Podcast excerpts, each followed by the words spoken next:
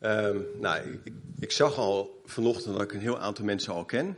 Voor die mensen die uh, mij niet kennen. Ehm, inderdaad, zoals Heidi zei, we zijn al heel lang bevriend met uh, Oscar en Heidi. En ik zat vanochtend te denken, wat voor leuke grappen kan ik nou vertellen? en ik kon er eigenlijk al aan één denken, maar die ga ik echt niet vertellen. Ja. Ja. ja, nee. Ja.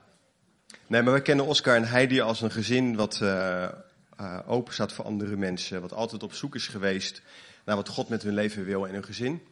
Wat ons ook heeft aangespoord hè, nadat ze naar Denemarken zijn geweest. Uh, en het plan hadden om naar Engeland te gaan. Om ook een droom die Mike en ik hebben gehad. al vanaf dat we 16 waren. Want toen ontmoetten we elkaar, hè schat. 16. Echt. Wat waren we jong. Hoe oud word ik morgen? morgen word ik 40, ja. ja. Uh, maar goed, we hebben bijna vier jaar in Noorwegen gewoond, waar ik gewerkt heb, waar we de kinderen naar school zijn geweest en waar we uh, niet zozeer gepland hadden om dat te doen, maar een, een gemeente hebben gesticht, Focuskerk, wat nog steeds doorgaat. En was een hele reis. Was bijzonder mee te maken. Um, ik heb ehm, we gaan het vandaag hebben over autoriteit. En dan hebben we het over zalving en dergelijke, zoals in de verhalen van David naar voren komt. En met, dat ik dacht aan zalving, dacht ik ook, volgens, ik heb ook twintig jaar geleden een zalving meegemaakt. Alleen van een iets andere orde. En dat was, um, toen deed ik nog een zaterdagbaantje bij het Kruidvat. En um, dat hoef ik gelukkig niet meer te doen, zaterdagbaantjes. En ik, ik, werkte bij het Kruidvat op de Lange Viestraat in Utrecht. Kent iemand dat? Ja? Mooie straat, tegenover de Bijenkorf. Het bijzondere van die winkels is dat zij een kelder hebben onder de winkel. Ja, heel goed. Alleen, die meeste winkels hebben een toilet in de kelder. En die, dat toilet, dat zit onder de riolering. Jij kent hem? en wat ze daarvoor gebruiken is een sanabrieur. Kennen jullie dat, Sanebrieur? Nee? Sanebrieur is een kastje wat je achter het toilet zet. Dat als je geplast, gepoept en wat dan ook hebt gedaan, dan gaat het door een buisje. Er zit een mes in. Dan dat verpulvert het helemaal. Dan komt een soort van spul en dat wordt naar boven gespoten naar, naar de riolering. En op een dag zat het ding verstopt. dus ik zei tegen mijn baas, joh, dat repareer ik wel. dus ik loop naar beneden, naar dat toilet. Doe de deur open, trek de stekker uit van de sanebrieur, doe de deksel af en ik zie daar een, ja...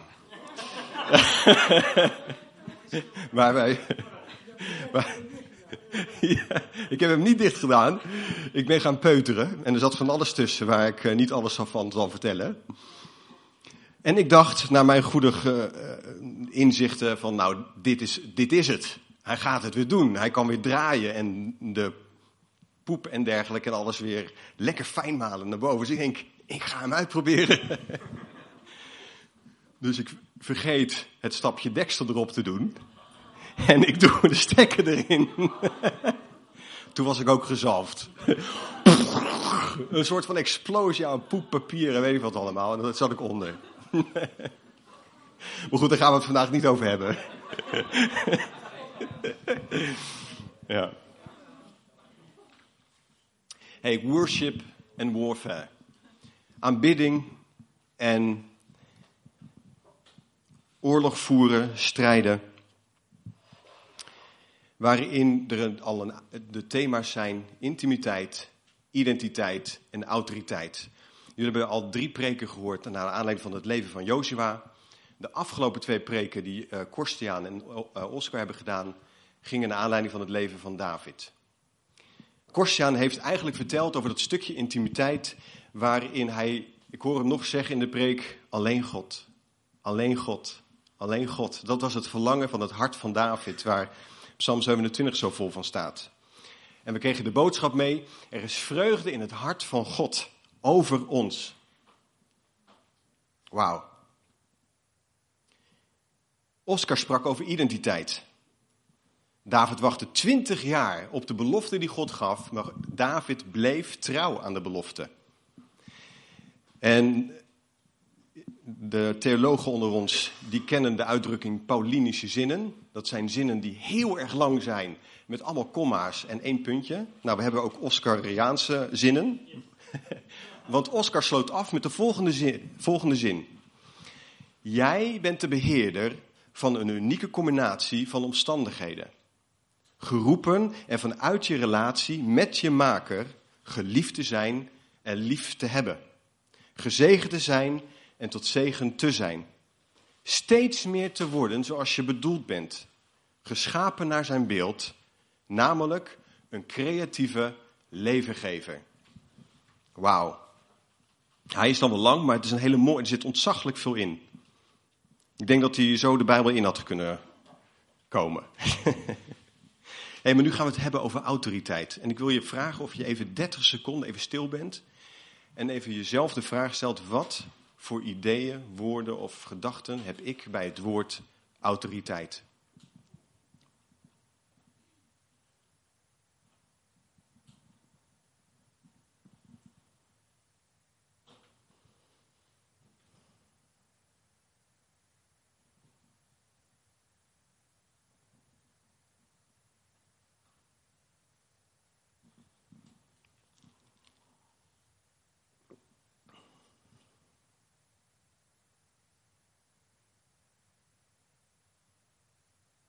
Oké. Dan wil ik je vragen om even aan je buurman te vertellen welke gedachten of ideeën je had over het woord autoriteit. Als je dat niet wil, dan blijf je gewoon lekker met je hoofd naar, naar voren kijken naar mij. En als je er wel toe in staat bent, deel het even met elkaar.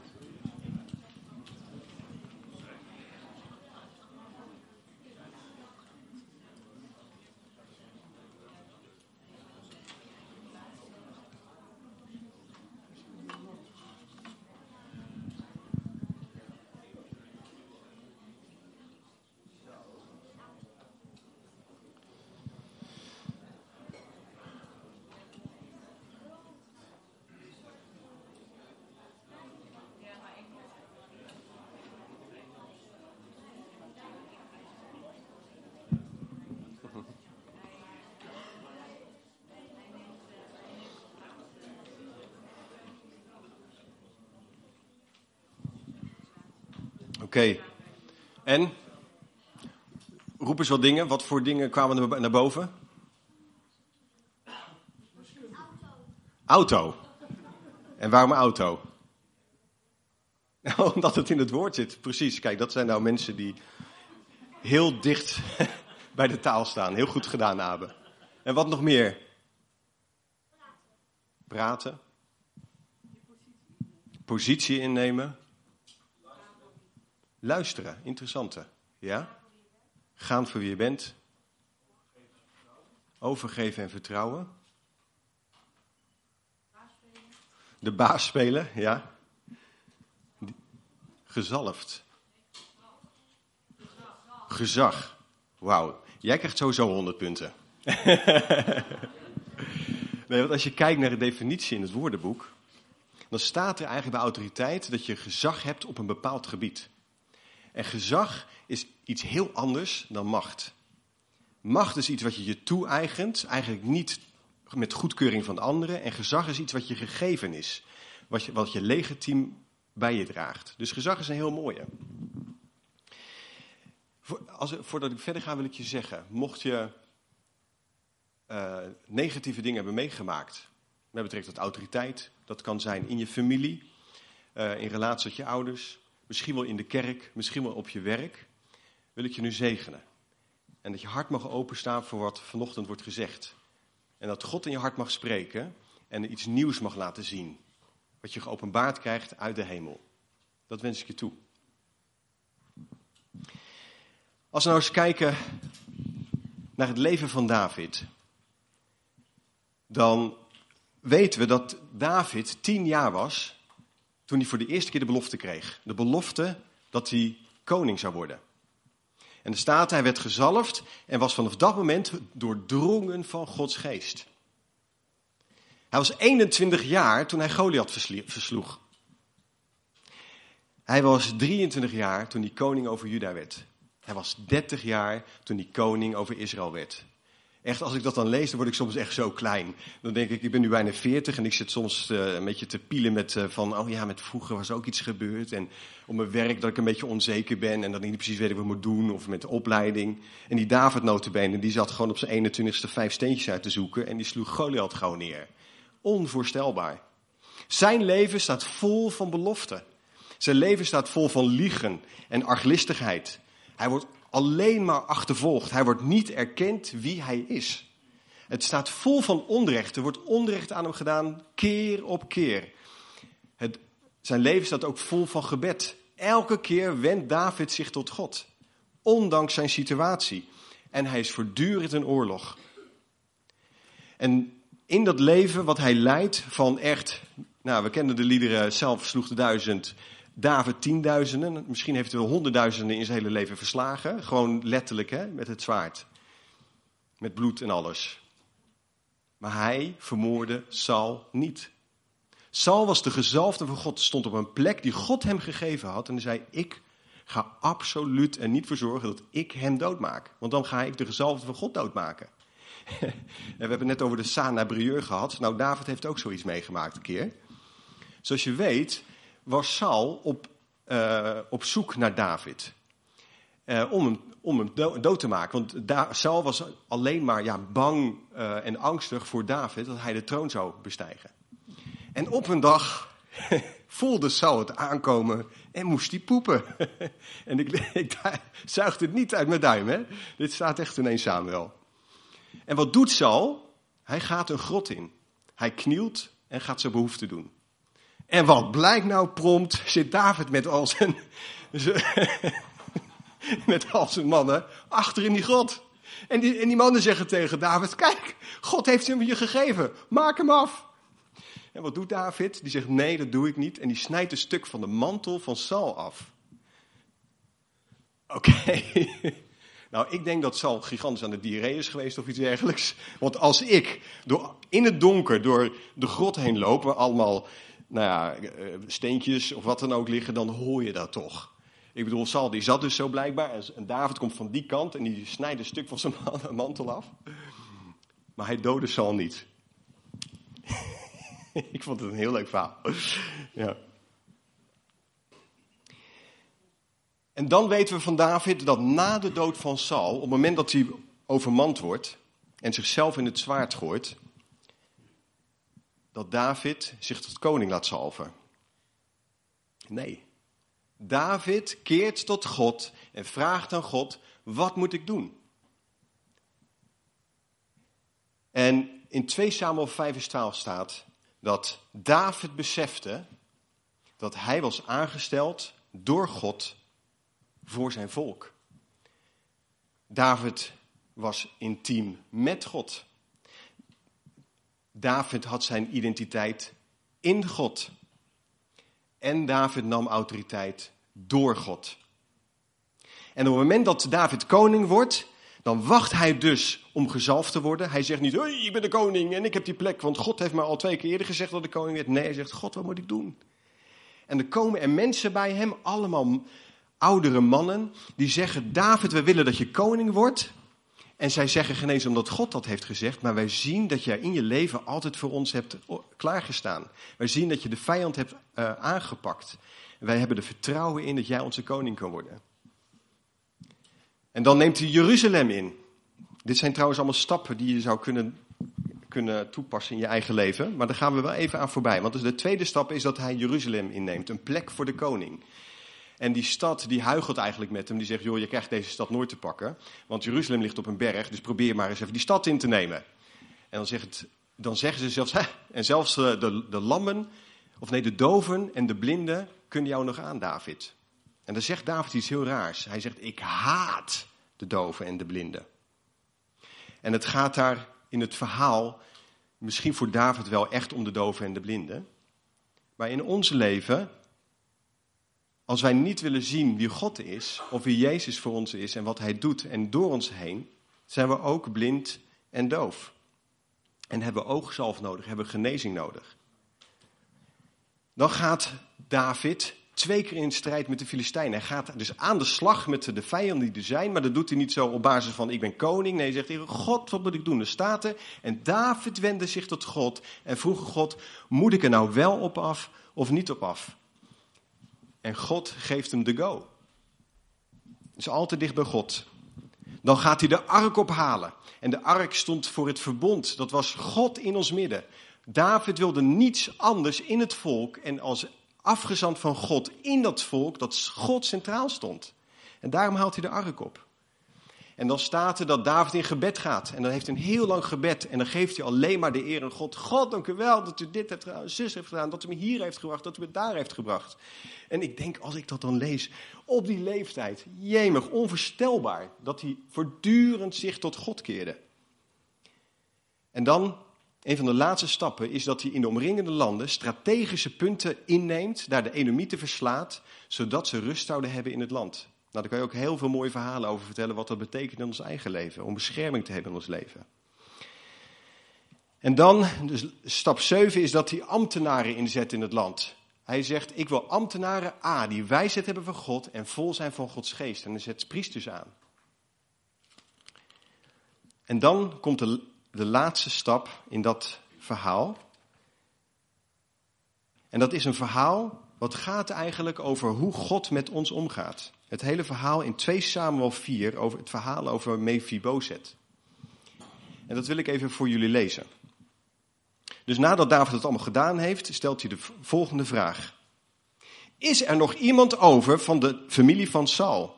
Die zal ik goed behandelen. Dat ben ik aan Jonathan verplicht. Dat was zijn vriend, de zoon van Saul. En dat was een, een verbond wat hij had gesloten uh, vlak voordat hij op de vlucht ging voor Saul. Dat hij altijd de familie van Saul en Jonathan in ere zou herstellen. En nu was er bij de familie van Saul een zekere Siba in dienst. Hij werd bij David geroepen en de koning zei tegen hem, bent u nou Siba? Uw dienaar. Heer, antwoordde hij. En de koning vroeg hem, is er nog iemand over van de familie van Saul? Die zal ik goed behandelen, zoals God dat voorschrijft. En Siba antwoordde, nou er is nog een zoon van Jonathan, een kreupele. Uh, waar is hij dan? vroeg koning hem. En Siba antwoordde, hij woont bij Magier, de zoon van Amiel, in Lodebar. Koning David liet de zoon van Jonathan, de kleinzoon van Saul, ophalen uit het huis van Magier in Lodebar. En toen hij bij David kwam, liet hij zich op zijn knieën vallen en boog diep voorover. Mephibosheth, vroeg David. En hij antwoordde, ik ben uw dienaar, heer. En daarop zei David tegen hem, wees niet bang. Ik verzeker u dat, het u goed, dat ik u goed zal behandelen. Dat ben ik aan uw vader Jonathan verplicht. Ik zal u het land van uw grootvader Sal teruggeven en voortaan mag u aan mijn tafel te gast zijn. Opnieuw boog Mephibozet zich neer en zei, maar, maar wie ben ik, heer, dat u zich bekommert om een dode hond? En toen liet de koning Siba komen, de dienaar van Saul, en zei tegen hem, alles wat aan Saul, um, alles wat aan Saul en zijn familie behoorde, geef ik aan de kleinzoon van uw meester. U zult voor hem de grond bewerken samen met uw zonen en knechten, en de opbrengst afdragen aan de kleinzoon van uw meester, zodat hij ervan leven kan. En Mephibozet, de kleinzoon van uw meester, is voortaan aan mijn tafel te gast. En Siba antwoordde de koning, zoals u beveelt, mijn heer en koning, het zal gebeuren. En zo werd Mephibozet aan het hof opgenomen en behandeld als een van de koningszonen. Hij had een zoontje dat Micha heette, Siba, die zelf vijftien en zonen en twintig knechten had, was met alle leden van zijn huishouding in dienst bij Mephibozet. Mephibozet woonde in Jeruzalem en was opgenomen aan het hof. Hij had een gebrek aan beide benen.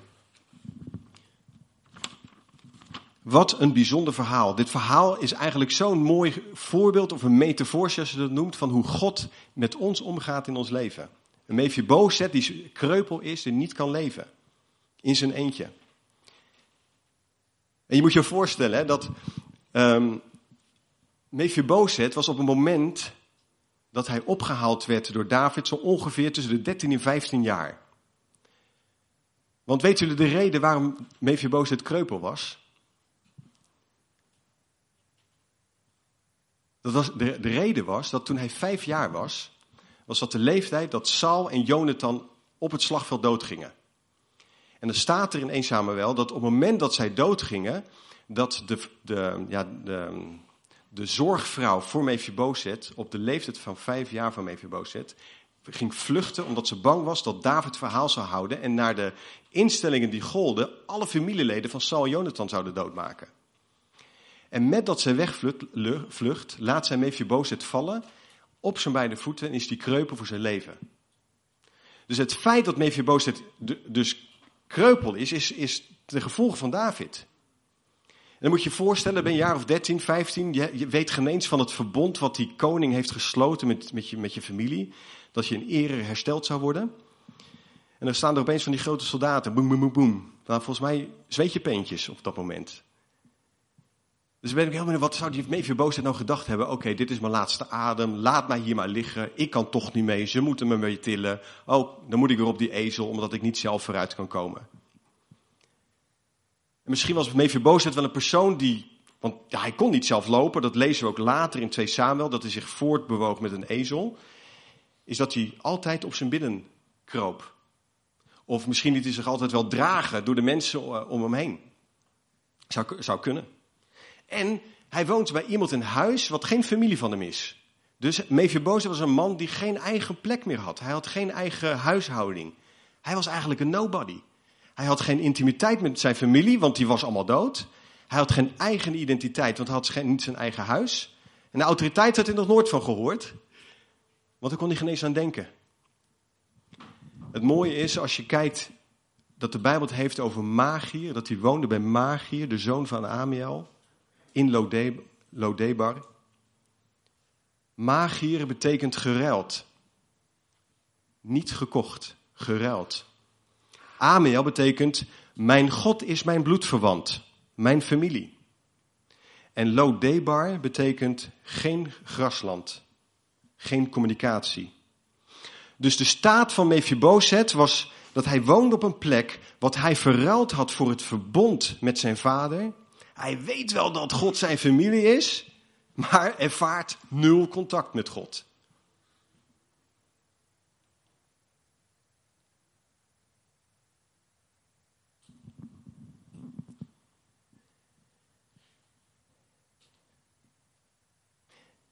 Als Mephibosheth voor David staat, dan buigt Mephibosheth zich voorover en het eerste wat David doet, die zegt, Mephibosheth, Uitroepteken. En wat hij doet, hij verklaart nog even niks, maar hij roept Mephibosheth aan bij zijn naam. En weet je wat Mephibosheth betekent? Dat betekent hij die schaamte of afgoden vernietigt. Wauw! Mephibosheth leefde in schaamte en was alleen maar aan het schuilen. En weet je, David was een persoon die niks anders wist. Hij, wist als de beste wat het was om te schuilen, om achterna gezeten te worden, om angst te hebben, om psalmen te moeten schrijven van ik zie het niet meer zitten, God. Nou, Mephibosheth heeft misschien geen psalmen geschreven, maar die had dat gevoel van minderwaardigheid. En dan, alsjeblieft, ik heb geen eens een eigen familie en ik ben nog kreupel ook. Ik kan niet eens in mijn eigen onderhoud voorzien. Hij voelde zich een nul. Maar David zegt, jij bent degene die schaamte vernietigt, die afgoden vernietigt. Hoe zit het in ons eigen leven? Hebben wij schaamte over dingen? Voelen wij ons kreupel af en toe? Nou, ik wel. Ik heb uh, afgelopen jaar heb ik een studie gedaan. Ehm, ik doe een, een, een master, leren en innoveren. En dat is al het feit dat ik een opleiding doe, is al een onderdeel al een aantal jaar van mijn gebed geweest. Dat ik gewoon werk zou kunnen krijgen waar ik ook opleiding zou kunnen doen tijdens mijn werk. Heb ik gekregen. Maar die opleiding heeft me echt zo, nou bijna opgevreten in mijn, in mijn denken. Um, die opleiding kost 20 uur in de week. Maar voor mij in mijn hoofd duurde het veel meer.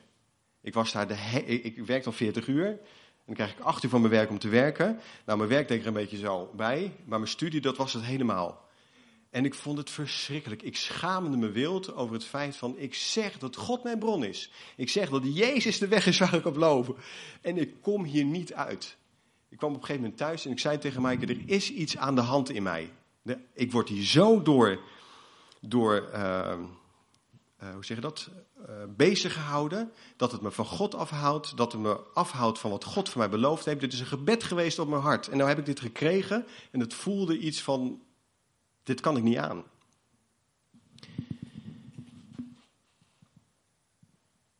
Maar God zegt, Maarten. God zegt, Heidi. God zegt, Iris. God zegt, Henk. God zegt, Diane. Annette. Lisette. Jolande. Kees. Taco. Didi. Wijnand.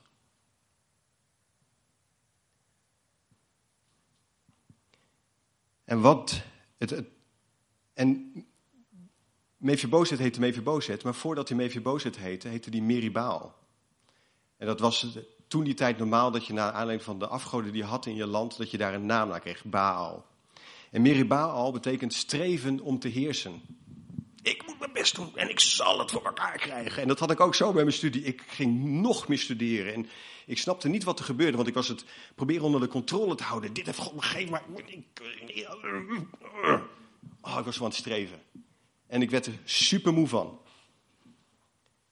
En dan zegt David, dan zegt God: Ik geef je terug het land wat voor jou is. Van je voorvaderen. En je bent bij mij te gast aan tafel. Een man die, een, die niemand is, die kreupel is, die misschien geen eens nooit aan tafel heeft gezeten, die krijgt een plek aan de tafel, niet van zomaar iemand, maar van de koning. De koning gaat hem leren om intiem met hem te zijn. Want als je aan tafel zit en aan het eten bent, dat zal je herkennen, dan ga je met elkaar dingen vertellen. Dan ga je met elkaar dingen praten. Als het even niet lekker loopt en je gaat een picknick doen met elkaar, of je gaat uit eten, in ieder geval als de ander betaalt, dan krijg je krijg je verbinding met elkaar. En dat is wat de koning deed. Dat is wat God met ons doet, de verbinding zoeken, de intimiteit met ons. En op die manier kon Mephibosheth zijn identiteit gaan bouwen. Maar wat zegt, wat zegt Mephibosheth notabene? Die zegt, ja maar waarom komt hij zich nog mijn man? Ik ben een dode hond. Hij was zo ver weggeraakt van hoe God hem bedoeld had. Een dode dood is iets onreins in, in Israël. Uh, hond is iets onreins, dus hij voelde zich dubbel onrein. Ik ben het niet waard om bij u aan tafel te zitten. Ik geloof er niks van. Kent u dat? Dat de dingen over je uitgesproken worden waar je eigenlijk helemaal niet in gelooft? En als ik het over die opleiding heb, heb het bijzondere is, we hebben Gods geest gekregen. En iemand in mijn leven, die openbaarde iets, of die gaf, die wist niet van mijn, mijn, mijn strijd zeg maar, met mijn opleiding, maar die kwam naar me toe en die zegt, Maarten, God ziet dat je in een woestijn leeft. Nou, toen ze die woord had uitgesproken, zat ik. ja, inderdaad. en God gaat iets openbaren over je verleden. Dat klikte totaal niet.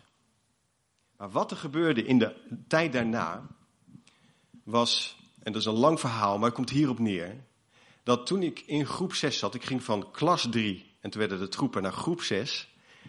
In die tijd zijn mijn ouders gescheiden. En um, daar ben ik, daardoor ben ik achtergeraakt met de taal en rekenen. Dus vanaf groep 6 zat ik altijd apart aan een tafeltje mijn rekenen en mijn taal te doen. En dat deed ik in groep 7 alleen aan een tafeltje.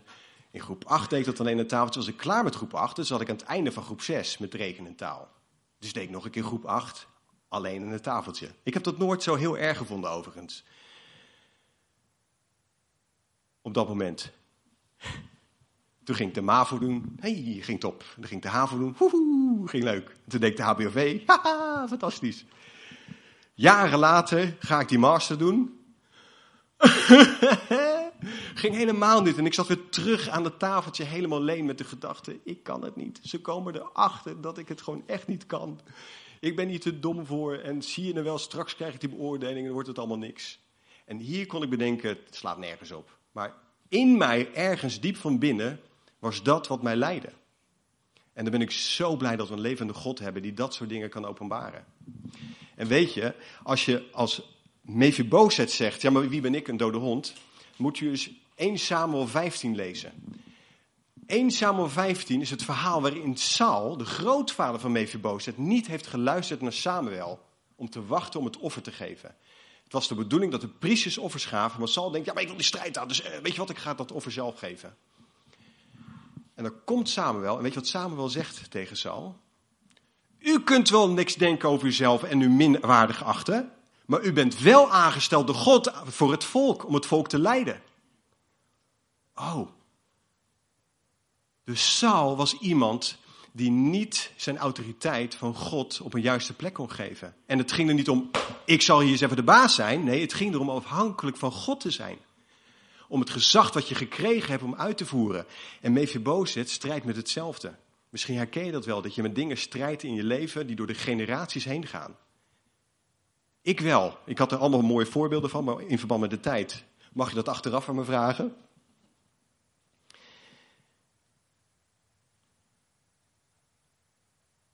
Dus de actie van David is, de actie van God is, dat hij Mephibozet zegent, ondanks zijn afkomst, maar op basis van een verbond wat gesloten was. God heeft gezegd, ik wil voor de mens gaan, ik wil voor jou gaan. En daar zal hij nooit zich van afkeren. En dat grappig is, hè, in het verhaal, dan zijn we bijna bij het einde, in het verhaal staat dat Mephibozet, daar sluit het verhaal mee af dat Mephibozet kreupel blijft. Hij krijgt geen genezing. Doe me denken aan dat, wat Paulus zegt als hij God tot drie keer toe bidt om uh, genezing te krijgen van een doorn in zijn vlees. Dat God zegt, mijn genade is genoeg voor jou. En dan staat er in Psalm 51, geschreven door David, in vers 19 staat er, het offer voor God is een gebroken geest. Een gebroken en verbrijzeld hart zult u, God, niet verachten. Dit is zo'n vers van hoop. Ondanks hoe je je voelt en dat je misschien wel, uh, waar ik soms ook een handje van heb, heel erg graag Netflix uh, je als vriend uh, omarmt. Of dat je vaak zagrijnig bent, of omdat je ondankbaar bent, of dat je denkt, ja, maar ik, ik heb iets meegemaakt in mijn leven waar ik niet uitkom. God zegt, maar dat is nou exact de bodem op basis waarvan ik jou kan laten groeien. En je gezag geven in je leven om uit te reiken naar anderen. En als je nou kijkt, tien hoofdstukken later, na 2 Samuel 9, dan zitten we in 2 Samuel 19. En daar wordt Mephibozet wordt onjuist behandeld door die Ziba. Want David gaat ten oorlog strijden. Ziba gaat met hem mee. En dan zegt Ziba tegen David: Weet je, die Mephiboze die jij zo gezegend hebt, die is tegen jou. Die is niet met je meegegaan en die vlucht weg. En dan zegt David: hm, Dan mag jij alle bezittingen hebben van Mephibozet. Later kan Mephibozet dat weer rechtstellen, herstellen. Want dan komt David terug en zegt David: hey, gaat hij verhaal halen. Wat heb je nou gedaan, joh? En die zegt ja maar, moet je naar luisteren. Hé, hey, ik ben kreupel. Het kan toch niet zo zijn dat ik met een ezel in die koningsstoet richting de vijanden ga? Er zijn er twee alternatieven, dat zegt hij helemaal niet. En die alternatieven wil ik u voorhouden. Of hij dacht, wauw, het maakt me allemaal niks meer uit. Ik geef alles weg. Ik geef alles aan God. Al dat wat ik opgebouwd heb aan intimiteit, identiteit, de autoriteit die ik heb. Joh, als je Shiba dat van me afneemt, alsjeblieft. Want niks is meer dan u alleen, God. Dat is het eerste alternatief. Het andere alternatief is dat Mephibozet nog steeds niet kon staan op de plek die hij gekregen had. Dat hij zich minder waardig voelde. Ja, nee, maar alsjeblieft, nee maar. Hoe zit dat met u? Wat is de plek die u heeft gekregen? Denk jij je naar God? Ik vind dat oh zo moeilijk. Als ik me rot voel, kan ik je vertellen. Autoriteit is het volgende. Zoals David deed naar het beeld van God, is dat David zijn vijanden zegent. Dus jouw autoriteit is zegen je vijanden. Wie zijn jouw vijanden? Zegen de zieken. Dat is het mandaat, dat is de autoriteit die we gekregen hebben. Dus niet om die plek te pakken en ik ben onrecht aangedaan, ik zal dit eens even doen. Nee, oké, okay. Heere God, u zorgt voor mij. Net zoals David voortdurend wachtte om opnieuw die plek te krijgen.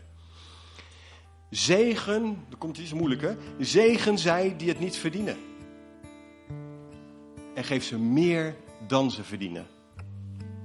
Laten we de liefde van God aan andere mensen zien. Zoals David liet zien aan Mephibozet. Jij bent een nul, je bent kreupel, je kan niks. Ha, ha, ha. Misschien voelde dat als voor Mephibozet. Maar dat David zegt, nee, jij bent wel kreupel. En weet je nog dat hij al die mensen die gehandicapt waren stom vond en haat? In Jeruzalem. Maar hij zegt tegen Mephibozet, ik zet jou naast mij aan de tafel, want ik wil in contact met jou staan. En omdat je in contact met mij staat, in die intimiteit, mag jij je identiteit bouwen. Mogen wij onze identiteit bouwen.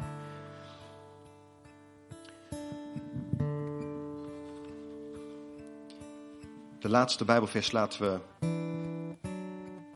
even zitten. Dat, dat mag je thuis lezen. Dus 1 Johannes 4, vers 16 tot 21. Dat is dit veel tijd. Wij wonen dus niet bij Magier uit Am Amiel in Lodebar.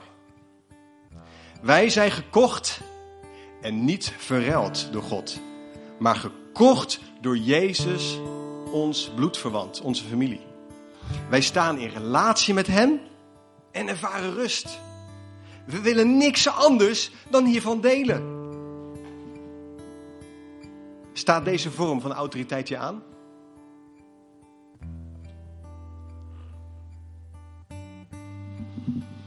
Ik roep je naam aan, dat wil ik je meegeven. Ik roep je naam aan.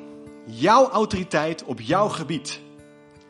Liefde, compassie, enthousiasme, zieken genezen, inzicht van God, wijsheid, de plek op je werk. En we spreken de minderwaardigheid aan. En we sturen die weg in de naam van Jezus. En het beeld wat je hebt over jezelf, naar je voeten te kijken, dat je kreupel bent, ah, dat is waar. Maar dat is nou net waar Jezus op bouwt. Prijs je God voor je kreupele voeten. Ik wil je zeggen, je bent hersteld. Je bent om te strijden, te bidden, te delen. Zit je vast? Roep God aan. In je werk op school, God heeft jou daar gezet. Hij zit met jou aan tafel. Net zoals bij mij in dat tafeltje alleen op school, dat ik erachter ben gekomen, ik zat er helemaal niet alleen. Jezus zat er naast mij. Fantastisch. Hij zit met ons aan tafel. Dus zometeen, ik weet niet hoe dat hier eigenlijk gaat. Als je voor genezing wil komen van je denken, als je pijn bent gedaan door middel van autoriteit, dat je alleen maar op je kreupele voeten kijkt en denkt, hmm, balen, ik kom niet verder. Dan wil ik je vragen om gewoon gebed te vragen aan het team hier. En één speciale opdracht voor iemand. Wie denkt niet te kunnen bidden, maar weet dat hij hiertoe geroepen is, wil ik vragen: zou je voor mij willen bidden op dit moment? Dus als we zo gaan zingen, wie, zou er, wie voelt dat het voor hem of haar is? Te spannend. Mocht je toch denken, ik wil voor, je, voor Maarten bidden, ik heb dat ook nog steeds nodig, dan mag je naar voren komen. En voor jou mevrouw, wat was jouw naam?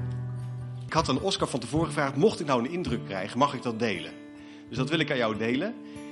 Slaat het helemaal nergens op, dan leg, leg het lekker aan de kant.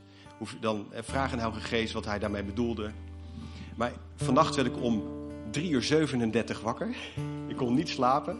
En ik moest denken aan een mevrouw met een staart. Nou ja, je hebt het is een staart. Ja. En het enige wat ik kreeg, dat God tegen jou zegt: Het komt goed. Het komt goed. God is trouw. En hij zet jou aan zijn tafel. En hij praat met jou. En hij lacht om jou, met jou. En hij geeft de belofte: het komt goed. Fantastisch, hè? Ja. Oké.